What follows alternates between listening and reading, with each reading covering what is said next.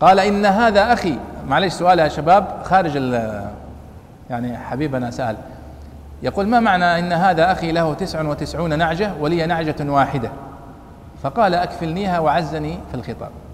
طبعا هذا يقولون طبعا وش معناها؟ أن لي تسعة وتسعين أخي عنده تسعة وتسعين نعجة. شاه شاه النعجة هي الشاه. وبعض التفاسير الضعيفة يقول زوجات. وأن ولي نعجة واحدة يعني زوجة. فهو يبغى ياخذ زوجتي إلى زوجته. يصير عنده مية وأنا أرجع عزابي. طبعا هذا التفسير خاطئ وغير صحيح والمقصود بالنعاج غنم الغنم المعروفة التي تباع وتشترى وتؤكل. لكن طبعا هذه كما يسمون يقولون طبعا وقع في هذا يعني وقع في هذا إن صح أن نسميه الفخ داود عليه السلام عندما أربكه السائل. لأن السؤال وش هو؟ أخي أخذ نعجتي. مخطي. لكن لما يجي يقول أخي تسعة وتسعين نعجة. فيعني أشعر المستف... الشيخ أو داود عليه السلام بهذا الظلم الفادح. تسعة وتسعين نعجة؟ مع أن هذا ما له علاقة في الموضوع. صح ولا لا؟ أنا وش دخلني فيه عنده ألف نعجة ولا عنده مليون نعجة؟ وش دخلني فيه قل لي أخذ نعجتي وبس. لكن هذا من كما يقولون من إرباك المسؤول. أيوة يعني كأنه يقول يعني أنا مظلوم عند أخي تسعة وتسعين نعجة وأنا عندي نعجة واحدة.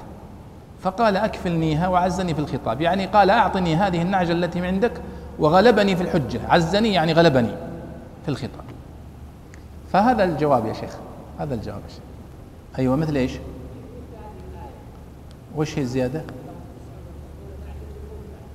آه ها ها. يعني هذه ما يسمونها المدرجة أو المفسرة.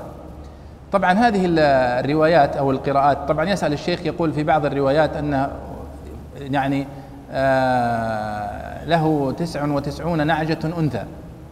فهذه لا لا لا تغير من الحكم شيئا يا أخي الحبيب في هذه النقطة بالذات لأن نستفيد منها في التفسير نحن. ثم الأمر الثاني أن ألفاظ القرآن الكريم شوفوا هذه قاعدة.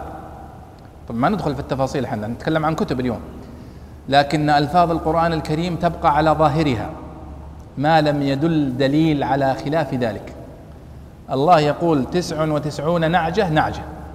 والنعجة هي معروفة في لغة العرب. أي واحد من ولذلك في قاعدة مهمة من أشهر قواعد التفسير اسمها يقولون يحمل تحمل ألفاظ القرآن الكريم وتراكيبه على الأشهر. والأعرف في لغة العرب لا على الشاذ والنادر. كيف؟ الله سبحانه وتعالى يقول هنا نعجة. النعجة في لغة العرب إذا أطلقت فهي النعجة المعروفة دي. قد يكون في بعض قبائل العرب أنهم يطلقون على المرأة نعجة من باب الكناية في الشعر وفي الأدب. فهذا يعتبر معنى شاذ ونادر لا يفسر القرآن الكريم به. يجيك واحد انتشر في الانترنت يقول حتى يلج الجمل في سم الخياط. قال الجمل ليس هو البعير. أجل وش هو؟ قال الجمل هو الحبل. أفا الجمل هو الحبل. وانتشر على الانترنت. يعني وش دخل الجمل اللي هو البعير في المخيط. الحبل الغليظ.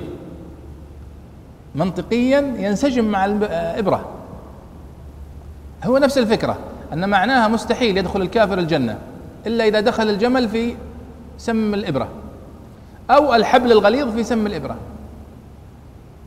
فهو قال يعني أن الحبل أكثر منطقية. فالناس انبسطوا قالوا والله كلام الصحيح يعني وش دخل الجمل في آه، سبحان الله التفسير هذا. كنا في أخطاء. قالها واحد مرة كلام طويل يعني. اضطريت إني أكتب مقالة في الرد على هذا. ولذلك هذا الخطأ قديم يعني ما هو بس جديد. حتى عبد الله بن مسعود رضي الله عنه سأل واحد من كثر الناس يا أخي وش معنى الجمل؟ قال سبحان الله زوج الناقة. يعني وش تبغاني أسوي لك؟ يعني أجيب لك جمل واحطه أقول لك هذا هو الجمل. جمل الجمل.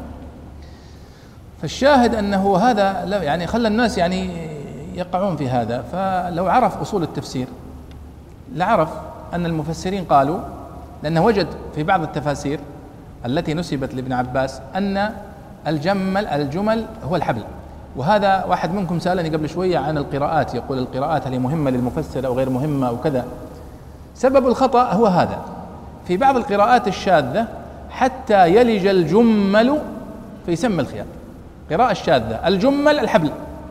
حبل السفينة الذي تشد به السفينة إلى الشاطئ. فعلى هذه القراءة الشاذة الجمل الحبل. صح. لكن على القراءات المتواترة كلها الجمل هو زوج الناقة. البعير المعروف اللي يشاركون في مزايين الإبل هذا فما انتهت القضية. لو كان هذا الذي وقع في هذا الخطأ يعرف معنى أصول التفسير ومعنى دلالة اللغوية ومعنى عدم خلط القراءات في التفسير لما كنا وقعنا في هذا الخطأ. لكن الناس راحوا في الطوشة بسبب يعني هذا الأكشن اللي يسببه بعض الأفكار وبعض بعضهم يحب دائما أنه يأتي باللفظ الغريب أو يأتي بالشيء الغريب. فالناس يستطرفون هذا. ثم أيضا يأتي فيتكلم في علم الغيب من من خلال القرآن الكريم. والله سبحانه وتعالى قد منع الغيب هذا حتى عن أقرب أقرب الأنبياء والملائكة. ما يعلمون الغيب. وهذا يتحدث عن تفاصيل علم الغيب. سيقع كذا وسيقع كذا سيقع كذا. لو كان الناس يدركون هذه الأصول التي يخالفها ما وقعوا في هذا. ولذلك إشاعة أصول التفسير في في الناس مهمة. تفضل يا شيخ.